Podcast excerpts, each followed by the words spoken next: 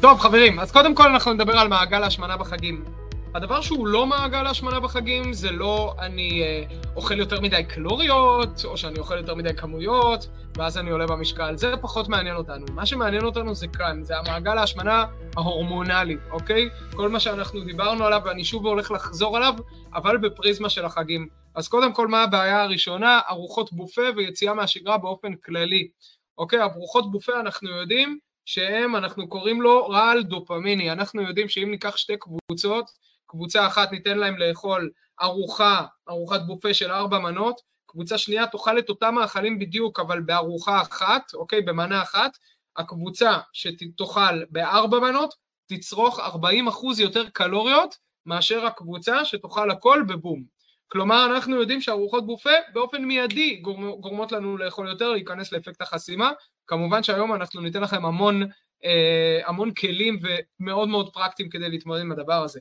אבל זה בסופו של דבר מה שגורם לנו לאכילת יתר חברתית, אה, בין אם זה שוב בארוחות חג, בחופשות, אה, במימונה, בכל המקומות האלה, כולם אוכלים, אז גם אנחנו אוכלים, וזה בסדר גמור, אבל הבעיה שזה גורם לנו בסופו של דבר לאפקט החסימה, כולנו מכירים, חסימת איתות הורמון סובה במוח, זו הבעיה, ואפקט החסימה כאן עובד אוברטיים שעות נוספות, יכול להיות שאנחנו מגיעים למצב שבמשך שבוע וחצי, לא רק שאנחנו לא מצליחים לשלוט על מה שאנחנו מכניסים לפה, אלא אנחנו גם לא מצליחים לשלוט על, אה, על הכמות, אוקיי? אנחנו מרגישים מפוצצים, אבל משהו בי אומר כל הזמן, אני צריך עוד אוכל. אני מכיר מעצמי אה, שבארוחות חג, במיוחד בסדר פסח וראש השנה וכאלה, אני יכול לאכול עוד צלחת ועוד צלחת ועוד צלחת, ואני שואל את עצמי לאיפה זה נכנס מצד אחד, ומהצד השני, כל הזמן הגוף שלי מאותת לי, אני רוצ... חייב עוד אוכל, אני לא רוצה עוד אוכל. אפקט החסימה הזה גורם לנו גם כמובן לא לשלוט על הכמויות וגם לא לשלוט על טיב המזון, אוקיי? אני מזכיר לכם את היחס הממכר שאפקט החסימה שם אותנו למעשה במצב שאנחנו נמשכים בצורה בלתי נשלטת לאותם מאכלים הכי לא בריאים עבורנו למה? כי הם דומים ביחס לשומן פחמימה שלהם לחלב האם, זה למעשה הפקודה הזאת במוח, שהמוח שלנו אומר לנו, אני צריך לגדול, אני צריך להתרחב. לא טוב לנו, אנחנו לא צריכים. אולי רק לגובה הייתי קונה איזה עשרה סנטימטר, כמו פת. אה, אחרי זה אנחנו למעשה הולכים לחוסר אנרגיה לתכנן מראש, שזו הבעיה. כלומר, לא מספיק שאנחנו לא שולטים בכמויות, ואנחנו לא שולטים בטיב המאכלים, זה גם בסופו של דבר משחק לנו עם רמות הדופמין ורמות הסוכר בדם, ואז אנחנו מוצאים את עצמנו בחוסר אנרגיה במהלך החג, אז אנחנו גם פועלים, אנחנו גם פעילים פחות גופנית, וגם באמת אין לנו כוח, אין לנו כוח עכשיו ללכת ולתכנן ולאסוף את עצמנו, אז מה אנחנו אומרים לעצמנו? את המשפט הגרוע ביותר, מאחרי החג אני אתחיל מחדש, ואז הדופמין מבין שהוא נתן לנו שחט. נוקאוט, נוקאוט. לגמרי נוקאוט, ואז אנחנו מסיימים את פסח עם יכול להיות שניים, שלושה, ארבעה קילו יותר. זו לא הבעיה המרכזית, הבעיה האחת המרכזית זה שאנחנו יוצאים מאיזון הורמונלי, מה שאומר שאחרי זה אנחנו שוב פעם נצטרך לעשות תהליך של איזון, והבעיה השנייה המרכזית זה ברמה המנטלית איזושהי תחושת כישלון, אה, ושוב הנוקאוט הזה של הדופמין, הוא כבר מבין שיש לו עם מי לעבוד ועם מי לשחק, ומשם מה קרה גם יום אחרי המימונה שונה, אה, גם הוא ימשיך לשגע אותנו. ובנוסף לזה, הדופמין שלנו מחכה לחגים, כולנו מכירים את זה, יש לנו כל מיני משפטים שהם משפטים ישראלים אה, מצויים כאלה, שכולנו מכירים אותם. אחד זה אני לא רוצה להיראות מוזר, כולם אוכלים, כולם אוכלים בשפע, אני לא רוצה להיראות מאלה שנמצאים בדיאטה בזמן ארוחת חג, זה מוזר, זה החופש שלי, אז בא לי לשחרר קצת. עכשיו, כל המשפטים האלה משפטים נהדרים, נהדרים. אבל הבעיה היא שהם מגיעים מהמקום הלא נכון, הם לא מגיעים מאיתנו, הם מגיעים באמת מאותו קול דופמין, אותו קול מכור שלנו שרק מחפש לשחרר קצת, כולנו יודעים איך זה נגמר. אצלי זה נגמר עם משהו כמו ארבע מצות עם שוקולד השחר או נוטלה או משהו כזה. זו מצווה לאכול ולסעוד, נכון?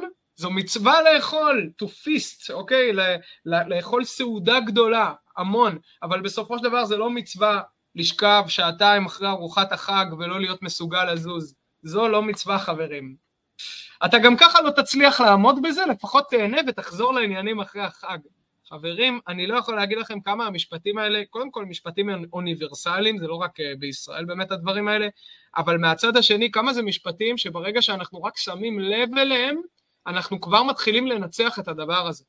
כלומר, ברגע שאנחנו חושפים את האור על הדברים האלה, ועל המחשבות האלה שנמצאות לנו בראש כל הזמן במהלך החג, אנחנו כבר מפסיקים להיות אה, מונעים על ידיהם, הרבה פחות, וזאת המטרה שלי כאן. כלומר, אם אתם הולכים לחוש במהלך השבועיים הקרובים את המחשבות האלה, הולכים לשמוע את עצמכם חושבים את המחשבות האלה, הופ, נורת אזהרה.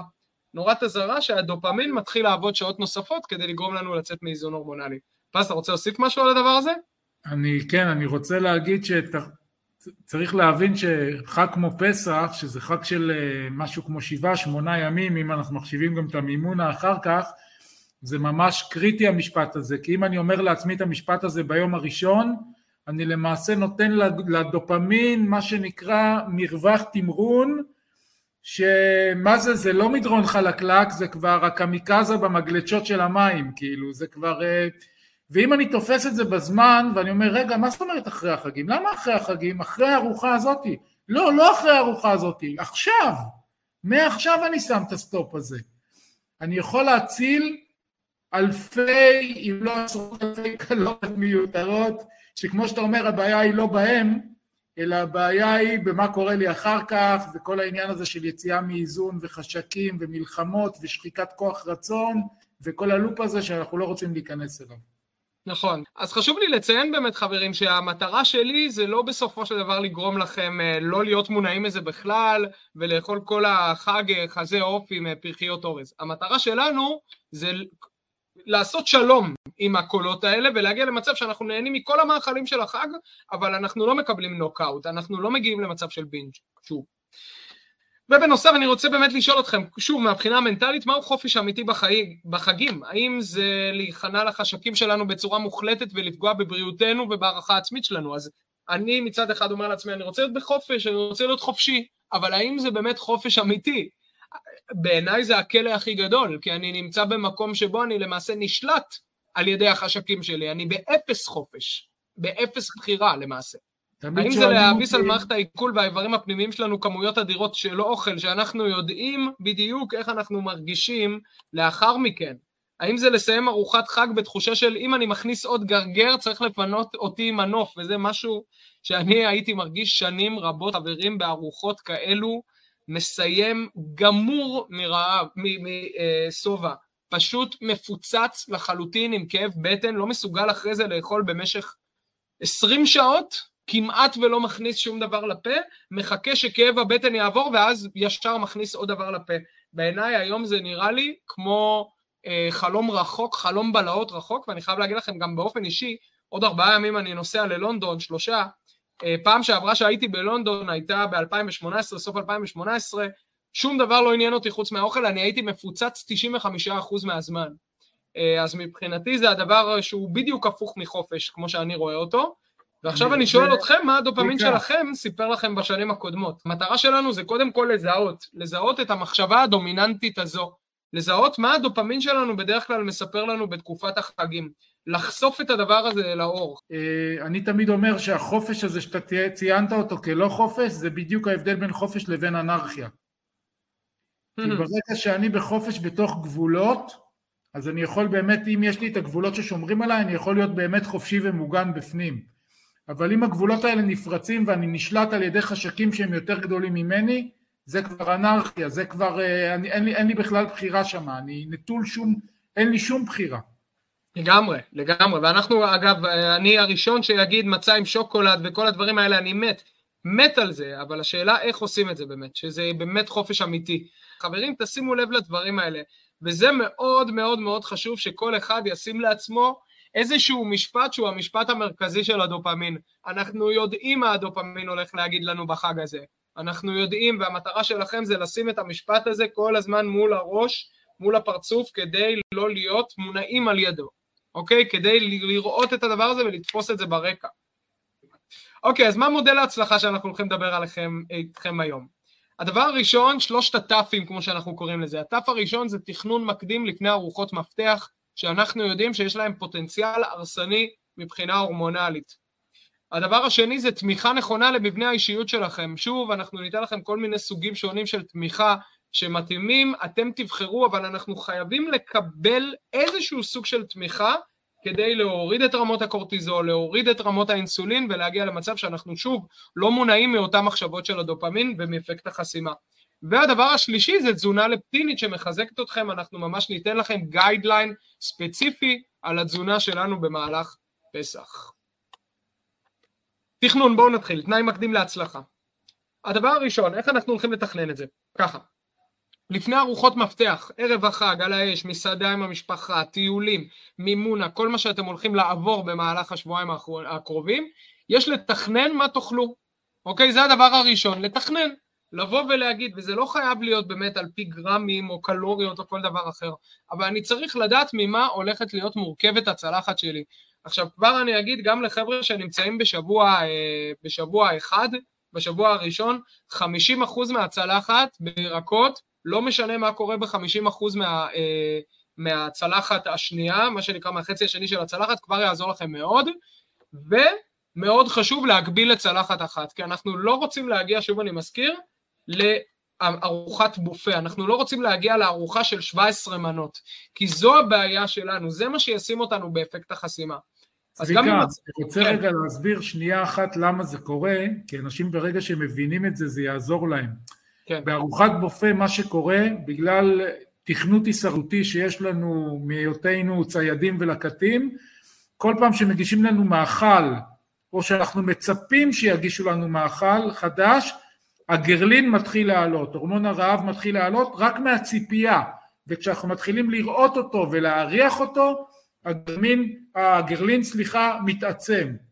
עכשיו, אנחנו מתחילים לאכול, ומתחיל להיות מופרש לאט לאט הורמון השובע הלפטין. לוקח זמן מסוים, עשר דקות, רבע שעה, עד שהלפטין למעשה מנטרל את הגרלין וגורם לנו לתחושת שובע. אבל מה הבעיה בארוחת בופה? שכל כמה דקות יש בוסט לגרלין הזה, כלומר הגרלין ממשיך, ממשיך לתת בראש וה, והלפטין לא מספיק לנטרל אותו ולכן אנחנו אוכלים הרבה יותר ולכן זה באמת, אם אתם שמים בצלחת הרבה מאוד מאכלים, אוקיי, אבל בצלחת אחת, תחמתם את הגרלין לטווח זמני מסוים. אם אתם מתחילים מה שנקרא בתשלומים לאכול, נפלתם. נכון, נכון, וחשוב גם לציין את זה, אני מכיר את זה כמי שמאוד אוהב להכין שניצלים וכאלה, אז אתה פתאום אוכל חצי שניצל פה, חצי שניצל שם, אתה קולט שאכלת ארבעה חמישה שניצלים עוד לפני שנגעת בארוחת ערב שלך. ואתה אפילו לא שבע. כן, לגמרי, לגמרי, כי זה גם בתוך כדי. עכשיו, באמת פז דיבר על העניין הזה של גיוון, אז אני אגיד ככה, אני בן אדם שמאוד מאוד אוהב גיוון, אוכל הרבה בחוץ, הכל בסדר, אבל אנחנו חייבים להבין שיש חוק טבע מסוים אצל בני אדם, שככל שהגיוון יותר גדול, ככה היכולת שלנו לאכול יותר תגדל, אוקיי? אם אנחנו לוקחים אגב שתי קבוצות, וזה עוד מחקר מעניין, שתי קבוצות, קבוצה אחת אוכלת M&M בשבעה צבעים, קבוצה אחת אוכלת M&M בעשרה צבעים. אוקיי? מאוד מאוד, אה, הגיוון נתפס מאוד מאוד קטן, אולי אפילו בלתי מודע, ואותו טעם בדיוק. הקבוצה שאוכלת M&M בעשרה צבעים תצרוך 60% קלוריות יותר. אוקיי? כלומר, גם המאכלים הכי טעימים שיש, ככל שאנחנו נאכל קצת פחות גיוון בארוחות האלה, ככה אנחנו נראה שאנחנו נהיה הרבה יותר שבעים. אז צלחת אחת, ואם אנחנו עדיין רעבים, השלמת ירקות כמובן בצורה חופשית. אם מתאים לכם, בצעו פרוטוקול ערב. עכשיו, מה זה אומר פרוטוקול ערב? אני רוצה לגעת בזה ממש בקטנה. ערב לפני, אני יושב עם עצמי ובודק מה אני הולך לאכול מחר, אוקיי? גם אם זה שוב קווים מאוד מאוד כלליים, ומה סביר להניח שהאתגרים שאני הולך לפגוש מחר לגבי האכילה שלי, ואיך אני הולך לנצח אותם. כלומר, אם אני יודע שבאותה מנה ספציפית, או באותה ארוחה ספציפית, לא יהיו לי ירקות מנקים, אז יכול להיות שאני אבחר לאכול את הירקות המנקים שלי בבית לפני הארוחה, ואני אדע להגביל את הצלחת שלי לחצי או לשלוש, לשני שליש של צלחת במקום צלחת מלאה. זה סתם דוגמה למשהו שאני מכיר מאוד מאוד טוב מאצלי. והכי חשוב, לדאוג להמון ירקות מנקים, גם אם זה שוב בארוחה או לא, ומים, שתי כוסות מים לפני כל ארוחה, 50, 50% מהצלחת ירקות מנקים ושתי כוסות מים לפני כל ארוחה, יקטינו לכם באופן מיידי את הצריכה ב-20-25%. לא משנה מה תאכלו, לא משנה מה תאכלו, ולכן זה כלי כל כך עוצמתי של מה שנקרא stop loss, אוקיי? אנחנו לא יכולים לשלוט ב-100% במה אנחנו הולכים להכניס במהלך החג הזה, אבל אנחנו כן יכולים לעשות מזעור נזקים, ואני חושב שזה המטרה של ה live הזה, 95% ממנו, קודם כל. ולזכור את כל הדופמין שרוצה רק עוד טעימה, אוקיי? אז מה הוא יגיד לכם אחרי הפעם הראשונה, אחרי הצלחת הראשונה? יאללה, עוד איזה כף של אורז, עוד איזה אה, חתיכה של אה, מצה, אנחנו מכירים את הדברים האלה ואנחנו יודעים בדיוק איך זה נגמר. אז גם אם אני צורך אה, קינוח, אוקיי? הקינוח הזה מבחינתי הוא חלק מהצלחת, אוקיי? אני לא מתחיל עם הצלחת המלאה ואז אני לוקח עוד איזה קינוח ומתחיל ליישר. חברים, כולנו מכירים, כולנו יודעים בדיוק איך זה נגמר.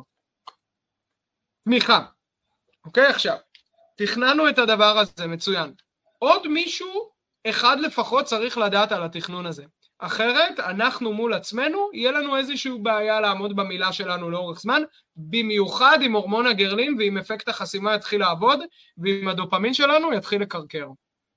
עכשיו ההמלצה, גם... צביקה, ההמלצה שלי, שזה יהיה מישהו מהמשפחה הקרובה, דווקא, במיוחד בערב החג, כי אנחנו לא נתחיל עכשיו להתקשר לערב התומך ולפרטנר הכי טוב וזה, מישהו שאנחנו יכולים ככה, שהוא מכיר אותנו ומכיר את התהליך, ופשוט וואלה עוד זוג עיניים, עוד איזשהו קול שפוי, שאנחנו סומכים עליו שיגיד לנו, אפילו בקריצה, בוא נצא לטיול בחוץ, בוא נתחיל לשטוף כלים, בוא נעשה משהו אחר, לא יודע מה, כאילו... לגמרי מסכים, אני חושב שמאוד מאוד חשוב כשזה יהיה אדם באמת מהסביבה הקרובה, שהוא יבין בדיוק את התכנון שלנו. כלומר, זה לא תשמור עליי ואני לא אוכל ככה את זה ואת זה, אלא באמת כמו החוק הזה של צלחת אחת, או כמו החוק הזה של 50% ירקות מנקים, כלומר שיהיה לו באמת איזשהו קריטריון מאוד מאוד ברור שהוא יוכל דרכם, דרכו לשמור עלינו.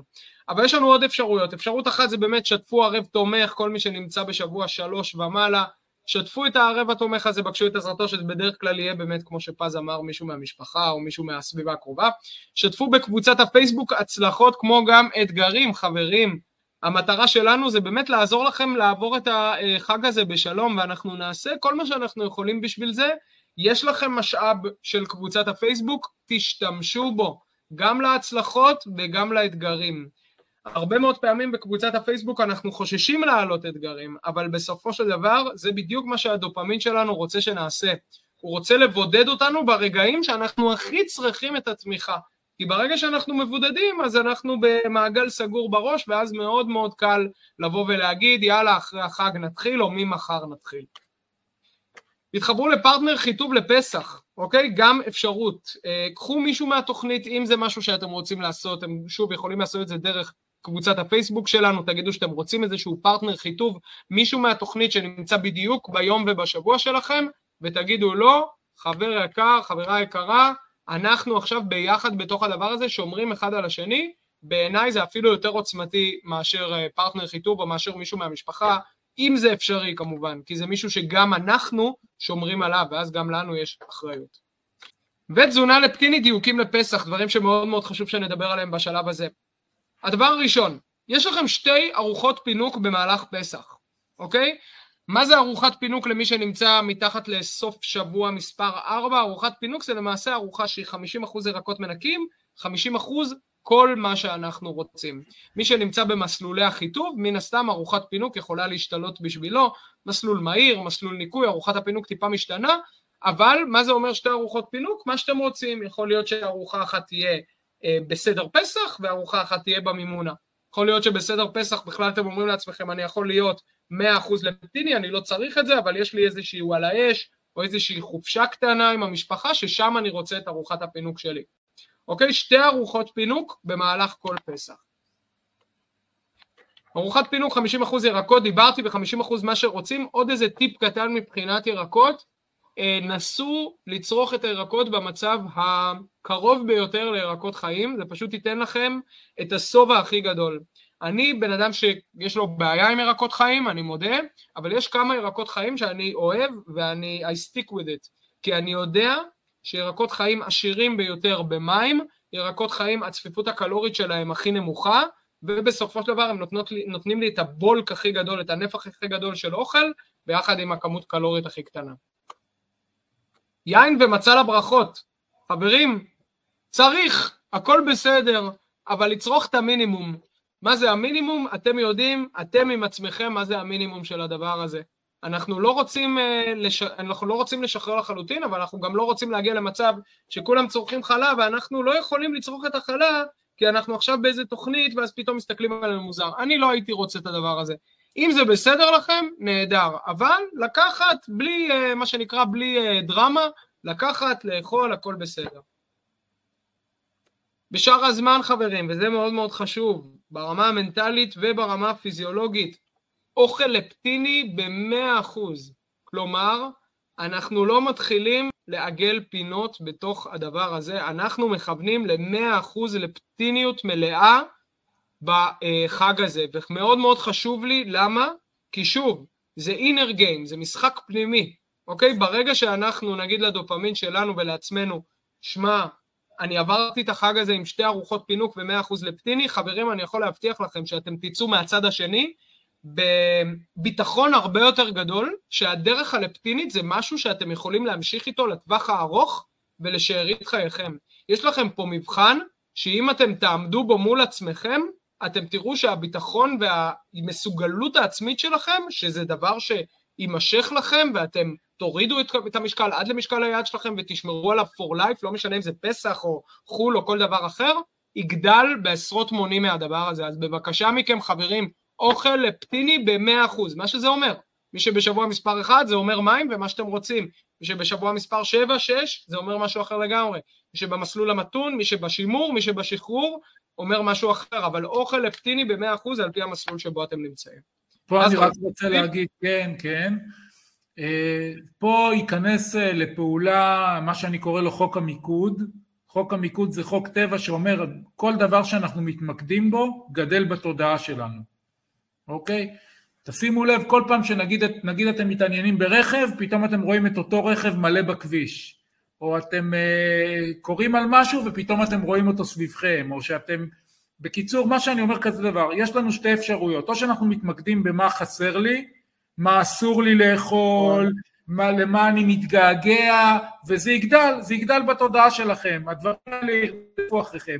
לעומת זאת אני יכול להתמקד בשפע של המאכלים, ותכף נוסיף לכם עוד כמה, בשפע של המאכלים שמותרים לי, כל סוגי, אני, אני באופן אישי טבעוני, אבל למי שלא טבעוני, כל סוגי הבשרים, כל סוגי הדגים, לאוכלי קטניות קטניות, ללא אוכלי קטניות תכף נדבר, כל סוגי הירקות, אה, באמת מגוון מאוד מאוד רחב של דברים שמותר לנו ואנחנו יכולים לסבוע וליהנות ולעשות חיים בלי התחושת קורבנות הזאת ובלי ה... לחיות את החוסר, כי אם אנחנו נתמקד בחוסר, החוסר הזה יגדל. אם נתמקד בשפע, אנחנו נרגיש מסופקים, אנחנו נרגיש אה, אה, אה, שמה שנקרא רגועים יותר, וזה גם כן ישפיע על פחות רעב ופחות חשקים. זה כמו גלגל, השאלה לאן זה מסתובב, האם זה מסתובב להעצמת הרעב, או שזה מסתובב להעצמת הרוגע, השלווה, המסופקות שלי וה-well-being שלי, שזה למעשה מזין ואני לא רוצה להגיע למקום הזה של לחיות את המחסור, אני רוצה לחיות את מה שמותר לי לאכול. נכון. ופז, אני אגיד עוד שני דברים שבאמת עלו לי בזמן שאמרת. הדבר הראשון, קודם כל, חברים, גם אחרי ארוחת הפינוק שלכם, גם אם אתם מרגישים, וואו, שברתי, זה, פה, שם, אסור לכם, בתכלית האיסור, לאכול פחות ביום לאחר מכן. אוקיי? חשוב לציין את זה.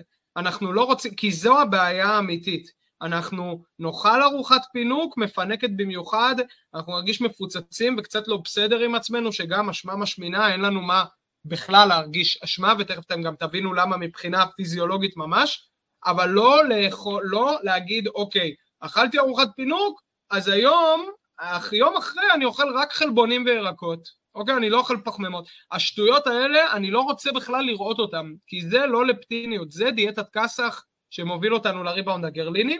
והדבר השני, יש להימנע מטעימות וליקוקים בין הארוחות מסודרות. חברים, סופר חשוב, סופר חשוב, גם אם אני לא לפטיני בכלל, אוקיי? בכלל. אם אני רק אשמור על הדבר הזה, על שתי ארוחות, על אה, אה, שתי כוסות מים לפני כל ארוחה, ירקות מתי שאני יכול, בארוחות מסודרות וגדולות, בלי כל הטעימות והליקוקים, ובוא תאכל את זה, ובוא תאכל קצת מזה, ובוא משעמם לי אז אני אנשנש קצת מזה, כבר אני אמזער נזקים ב-80%. אוקיי? אז חשוב לי לציין את הדבר הזה. חברים, שחררו את עצמכם מהדבר הזה, אנחנו אוהבים בשיטה הלפטינית לאכול הרבה, ולאכול מעט פעמים ביום, אבל כל פעם כמו שצריך. למי שנמנע מקטניות, ניתן לאכול השבוע גם תפוחי אדמה ובטטה כפחמימות מאושרות, גם בניקוי הלפטיני. אוקיי? תפוחי אדמה, אנחנו כמובן לא מדברים על צ'יפס או כל דבר אחר, אלא על בוילד פוטטו, על תפוח אדמה אה, אה, מעודה, על בטטה בתנור, ומי שרוצה ומי שלא אוהב תפוחי אדמה, אני אומר לכם חברים את זה, מה שנקרא במאמר מוסגר, אורז מלא מבחינתי, זה הרע במיעוטו בתוך כל הדבר הזה, גם אין לנו שום בעיה עם זה, כמובן עם 50% ירקות מנקים כמו שצריך, אבל תפוח אדמה ובטטה בתנור, אה, זה מבחינתי ה-number one, תפוח אדמה, באופן כללי אה, פחמה מאוד מאוד משביעה באופן יחסי לפחמימות הפחות לפטיניות, ובטטה בתנור. אני רוצה בהקשר הזה, צביקה, להוסיף שני דברים. דבר ראשון, לדעתי אורז אה, לאשכנזים הוא נחשב כקטנייה לצורך פסח, גם mm-hmm. כל מיני דברים אחרים. אז באמת בעניין הזה לא לוותר על הפחמימה, כלומר אחד מהדברים, יש שני דברים שהם מכשלה לאוכלי קטניות, מי, שאוכ, מי, שלא אוכל, מי שאוכל קטניות בפסח אין לו שום בעיה. נכון. לאלה שנמנעים מקטניות, יש פה בעיה, אוקיי? מכיוון שקטניה זה הפחמימה הלפטינית ביותר. אז אחד מהדברים זה באמת את הנושא של תפוחי אדמה ובטטה, להעדיף אותם, כי הם גם ישביעו וגם ייתנו לנו את הפחמימה, אבל צריך גם להשלים חלבון, במיוחד אם אני טבעוני. או צמחוני, צמחוני mm-hmm. פחות בעיה, אם אני גם טבעוני וגם אשכנזי שנמנע מקטניות, יש פה אלמנט שצריך לחשוב עליו, ולכן צריך לחפש את אותם ירקות, ויש כאלה, שמכילים יותר חלבון, כמו ברוקולי, כמו עלים ירוקים, כמו שועית ירוקה, mm-hmm. אוקיי? דברים שמכילים יותר חלבון מאחרים כדי כן להשלים את החלבון החסר, כי אם אני לא מספק את החלבון מהחי, וגם אסור לי קטניות, זה קצת מאתגר אבל זה אפשרי ואם אתם רוצים להתייעץ ספציפית האנשים שהם טבעונים והם נמנעים מקטניות להתייעץ איתי בצ'אט הפרטי או לשלוח לי הודעות דרך המאמני חיתוף שלכם אם אתם לא מלווים אישית על ידי, אל תתביישו לעשות את זה, אה, אפשר למצוא בקלות ואני יכול לשלוח לכם רשימה של ירקות שמכילים יותר חלבון מאחרת, מהירקות. אה, טופו מותר פז? מבחינת אה, זה? לדעתי לא, כי זה עשוי מסויה, וסויה זה קטניה. הבנתי אותך, אוקיי, בסדר. מצה, בואו נדבר על המצות. מבחינתי לא מאושר, אוקיי? פרט לארוחות פינוק שלכם שאתם בוחרים, וכמובן כל מה שדיברנו על המינימום במצה והיין כמו שצריך, מבחינתי לא מאושר. לא מאושר, לא מצה מקמח מלא, ולא מצה משום דבר אחר, נשים את זה, מה שנקרא, אה, בארוחות פינוק, במאכלים הגרלינים שאנחנו פחות רוצים אותם. עכשיו חשוב לי להגיד עוד משהו, אחד מהדברים שמאוד מאוד יעזרו לכם מבחינה מנטלית, ואתם תראו את זה, ומי שבאמת ייקח את זה בשתי ידיים, יראה שזה Changer, Game Changer אדיר, זה לדבר על התהליך עם אנשים שנמצאים איתכם סביב השולחן. אוקיי? זה ללמד, זה לשתף, ריבאונד גרליני, אפקט חסימה, כל הדברים האלה, כמובן מי שרוצה לשמוע, כן, מי שזה מעניין אותו ולא לכפות את זה על היושבים, אבל אתם תראו שברגע שאתם עושים את זה, כבר משהו בכם מזדקף ואתם פתאום הופכים להיות מה שאנחנו קוראים לו מגדלור לפטיני, אדם שיש לו אה, זהות של בן אדם לפטיני, שיש לו אחריות, אחריות גם כלפי עצמו, ואתם תראו שזה יגרום לכם לעמוד אה, בכללים בצורה הרבה הרבה יותר אה, קלה, גם אם אתם נמצאים בשבוע השני בתוכנית. טיפים, תיעוד ציפיות וצפירת הרגעה שמאוד מאוד חשוב לי לעשות בשלב הזה. אז קודם כל, חשוב מאוד חברים, פתחו אוזניים חזק. אחרי כל ארוחת פינוק אתם תעלו בין 800 גרם לשלושה קילו, אוקיי? לא משנה מה תעשו.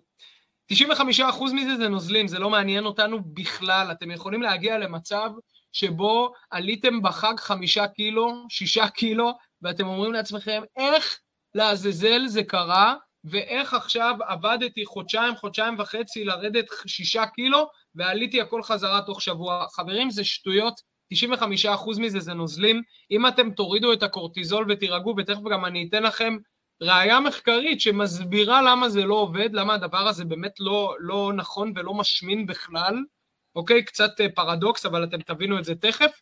אתם תראו שאתם תחזרו חזרה למשקל של לפני החג תוך שלושה ימים, חמישה ימים, גג שבוע.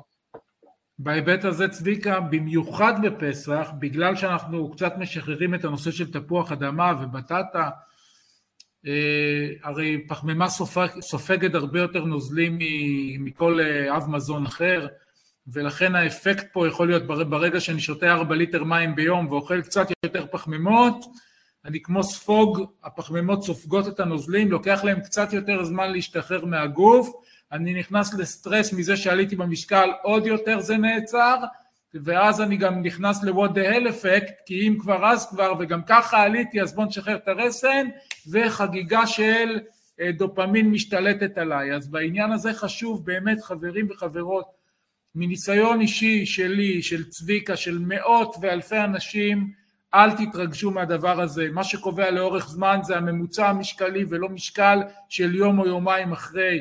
אני מכיר אנשים שנסעו לחו"ל ויצאו מאיזון ואכלו ואכלו ואכלו, חזרו לארץ ארבע וחמש ושש ושבע קילו יותר, אחרי כמה ימים של אה, הידוק שכפ"ץ וקצת אה, אה, לקחו את עצמם בידיים, 90 אחוז מזה ירד בקלות, באמת, תסמכו, trust the process מה שנקרא, תסמכו על התהליך.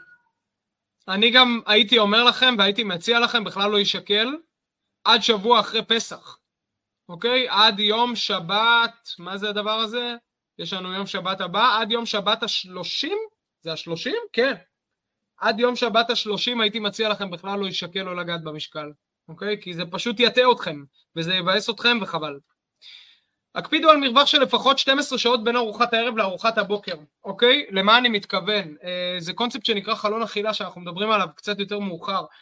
12 שעות זה מעט מאוד, בסדר? זה מ-8 בערב עד 8 בבוקר, מ-10 בלילה עד 10 בבוקר, זה באמת בקטנה, אבל זה מאוד מאוד חשוב כדי ליצור את הרגולציה הזו של הורמון האינסולין. למעשה הורמון האינסולין, בזמן שאנחנו לא, לא אוכלים שום דבר במשך 10, 12, 14, 16 שעות, הוא יורד הכי נמוך, והוא זה שלמעשה גורם לנו לסוג של איפוס של הרמה ההורמונלית והחשקים.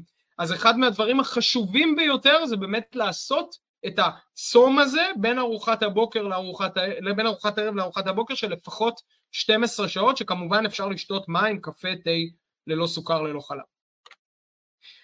אוקיי, המלצה, ניתן לדגבר בהליכות יומיות, שלושה, ארבעה קילומטר, חמישה קילומטר, שלוש, ארבע, חמש פעמים בשבוע, מה שאתם רוצים לצמצום נזקים, זה פשוט יעזור לכם שוב ברמת ה...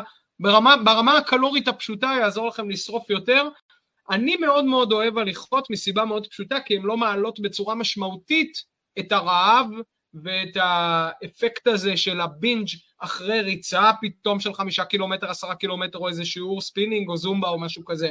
כלומר ההליכות, וגם חברים, חשוב לי לציין את זה, הקצב בכלל לא מעניין. כלומר, אני יכול לעשות הליכה רגועה של שלושה, ארבעה, חמישה קילומטר, מה שיותר מעניין זה באמת כמות הקילומטרים והקילומטראז', כי זה בסופו של דבר מה שגורם לנו לשריפה הקלורית. אם אני שוקל 100 קילו ואני עושה 5 קילומטר, אז אני אשרוף כ-500 קלוריות נוספות, גם אם אני הולך בקצב מאוד מאוד איטי וגם אם אני הולך בקצב מהיר. רוצים להיות כלילים יותר, שזה אחד מהדברים שמאוד מאוד יעזרו לכם גם לשמור על אפטיניות לאורך זמן וגם כמובן לעשות תהליכות, תפרידו בין פחמימות לחלבונים, אוקיי? כלומר, תשתדלו כמובן, כמה שניתן ירקות פלוס בשר או ירקות מג'דרה, חבר'ה שהם אה, כמובן אה, טבעונים אז הרבה הרבה יותר קל להם שם, אבל אם אנחנו כבר בארוחת פינוק, נסו אולי להתמקד באמת יותר בפחמימות, בכיף, מאשר לשלב כמות גבוהה של פחמימות וחלבונים, זה פשוט יגרום לכם לעייפות הרבה יותר גדולה, בעיקר בארוחות פינוק. במקום הראשון בסדר העדיפויות בואו נעשה לכם סדר, שמירה על עקרונות הצפה לפטינית, שתי כוסות מים לפני כל ארוחה, ירקות, בדגש על ירקות חיים אם ניתן, וחלבון כמנה מרכז מנה בכל ארוחה, כמובן אם ניתן. קצת סותר את מה שדיברתי על הפחמימות והחלבונים, אז אני הרבה פעמים מעדיף בארוחת פינוק לאכול נגיד פסטה מאוד גדולה, או משהו כזה בתקופה האחרונה, אה, ולא לשלב את הדבר הזה נגיד עם בשר, אבל חלבון בכל ארוחה, כי אנחנו יודעים שחלבון הוא אב המזון המשביע ביותר, במקום השני פחמימות, ובמקום השלישי, האחרון והלא מחמיא, שומנים.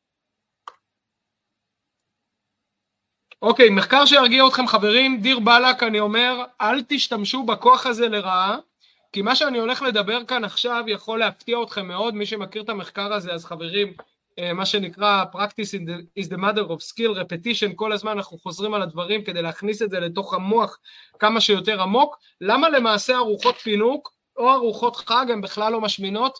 מה שמשמין זה האשמה, זה העלייה בקורטיזול, זה העלייה באינסולין, זה ה-what the hell effect של פז דיבר עליו, וזה בסופו של דבר לבוא ולהגיד יאללה אחרי החג. זה באמת מה שמשמין, ארוחות חג זה לא מה שמשמין, ועכשיו אנחנו הולכים להוכיח את זה. אז אני פשוט הולך לקרוא. במחקר שבוצע במשך 14 יום, כל קבוצה קיבלה הנחיה לצרוך דיאטה עשירה בפחמימות או שומן, 50% מעל המאזן הניטרלי של כל אדם. מה זה מאזן ניטרלי? זה כמות קלוריות שגורמות לי לא לעלות במשקל ולא לרדת במשקל. בממוצע, חבר'ה, מדובר כאן על באזור ה-4,000-4,500 קלוריות, אוקיי? 3,500 נגיד לחברה הקצת יותר קלילים. כמות מאוד מאוד גדולה. לאחר סיום כל דיאטה הקבוצות התחלפו וצרכו את הדיאטה של הקבוצה השנייה. אחרי היום הראשון, אוקיי, שאנחנו מדברים על ארוחת חג עשירה, שאנחנו מדברים שוב על 4-4.5 אלף קלוריות, ההוצאה האנרגטית מפעילות גופנית לא יזומה, כלומר לא עשו ספורט, אלא פשוט הגוף באופן טבעי שרף יותר, הדופק עלה, אה, הטמפרטורה של הגוף עלתה, עלתה בכמה מאות קלוריות, כלומר הגוף שלנו לא טיפש, הוא מנסה לשרוף את הקלוריות העודפות האלה, במיוחד כשהן מגיעות בבום, אוקיי? וחשוב להבין את זה. עכשיו, למה זה? שוב אני מזכיר לכם, בגלל התרמוסטט הפנימי. אם התרמוסטט הפנימי שלי תקוע על 95 קילו, על 120 קילו, או על 70 קילו, הגוף שלי ינסה להגן על זה גם כלפי מעלה, בטווח הקצר כמובן. בנוסף, ביום הראשון לדיאטה הקצב שהגוף ישתמש בפחמימות למטרות אנרגיה עלה פי שתיים. כלומר, הגוף שלנו גם מנסה כמה שיותר לשרוף את הפחמימות האלה למטרות אנרגיה במקום לספק אותם לשומנים שלנו, וזה היה גבוה ב-50% מהנורמה עד היום ה-14. 14 יום, חברים, מדובר בשבועיים של בינג'. ב-14 ימים של עודף קלורי הגבוה ב-50%, כמו שאמרנו, 3.5-4.5 אלף קלוריות, המון אוכל, המשתתפים עלו בין 0.7 ל-0.9 אחוז שומן, אוקיי? ובערך 1.5 קל... אה, אה, קילוגרם של שומן, עוד קילו, קילו וחצי של מסה, רזה, כמובן הרוב נוזלים וקצת קצת שרירים, אוקיי? עלייה של פחות מאחוז שומן ב-14 יום של בינג', אוקיי?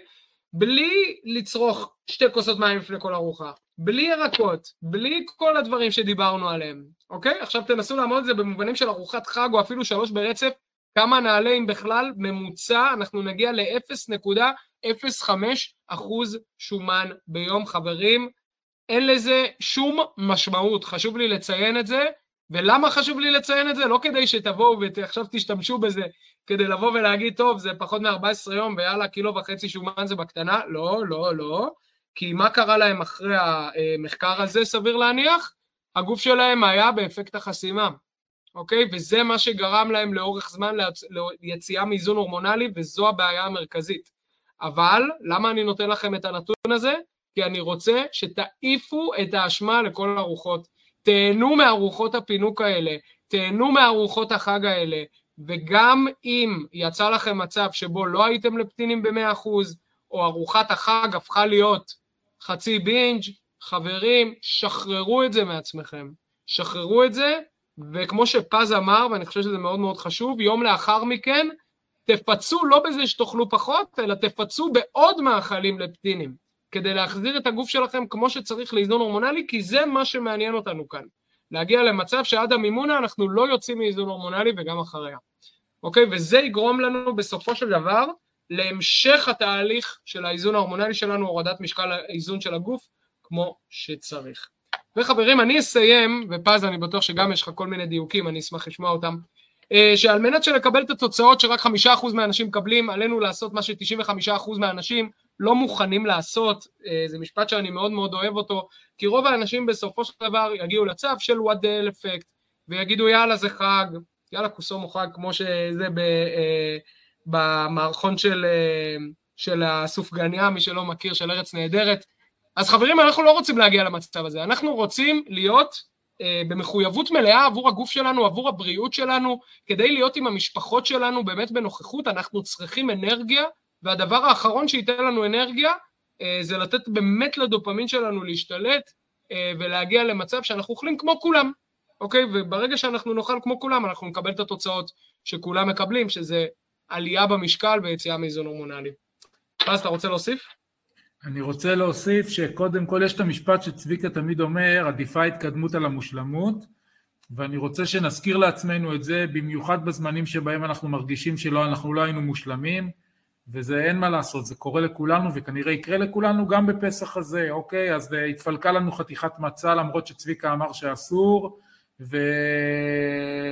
ועשיתי אה, עשיתי לילדים מצה בריין, אז אה, אכלתי קצת מהמצה בריין או כל מיני דברים כאלה, זה קורה, זה יקרה, ברגע שאני זוכר את המשפט הזה, ושוב אני מזכיר את חוק המיקוד ואני מתמקד במה היה קורה לי לפני שנה, איך לפני שנה בפסח, מה אכלתי לפני שנה, או מה אכלתי לפני שנתיים, ואני רואה את ההתקדמות האדירה שעשיתי מבחינת השמירה על הבריאות שלי, מבחינת האכילה הנכונה, אז הנפילות האלה הן באמת בקטנה, אז נפלתי ב-20 אחוז, שזה הרבה, נפלתי ב-20 אחוז, אבל 80 אחוז שמרתי על אופטימיות, בואו נתמקד ב-80 אחוז האלה.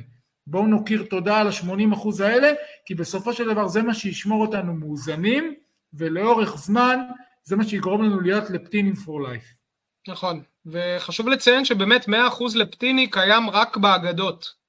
Uh, המטרה שלנו זה באמת להיות כמה שניתן, אוקיי? אני, אם אני הייתי אם אני הייתי 100% לפטיני, סביר להניח שהייתי משהו כמו 15 קילו, 14 קילו פחות ממה שאני נמצא היום, אוקיי? אבל היית בן אדם עצוב, אני חושב, גם קצת. מה, וכן, למה? אוקיי, אנחנו מאוד אוהבים ליהנות מהחיים, אף אחד מאיתנו לא מחפש להוציא את הריבוע השמיני בבטן.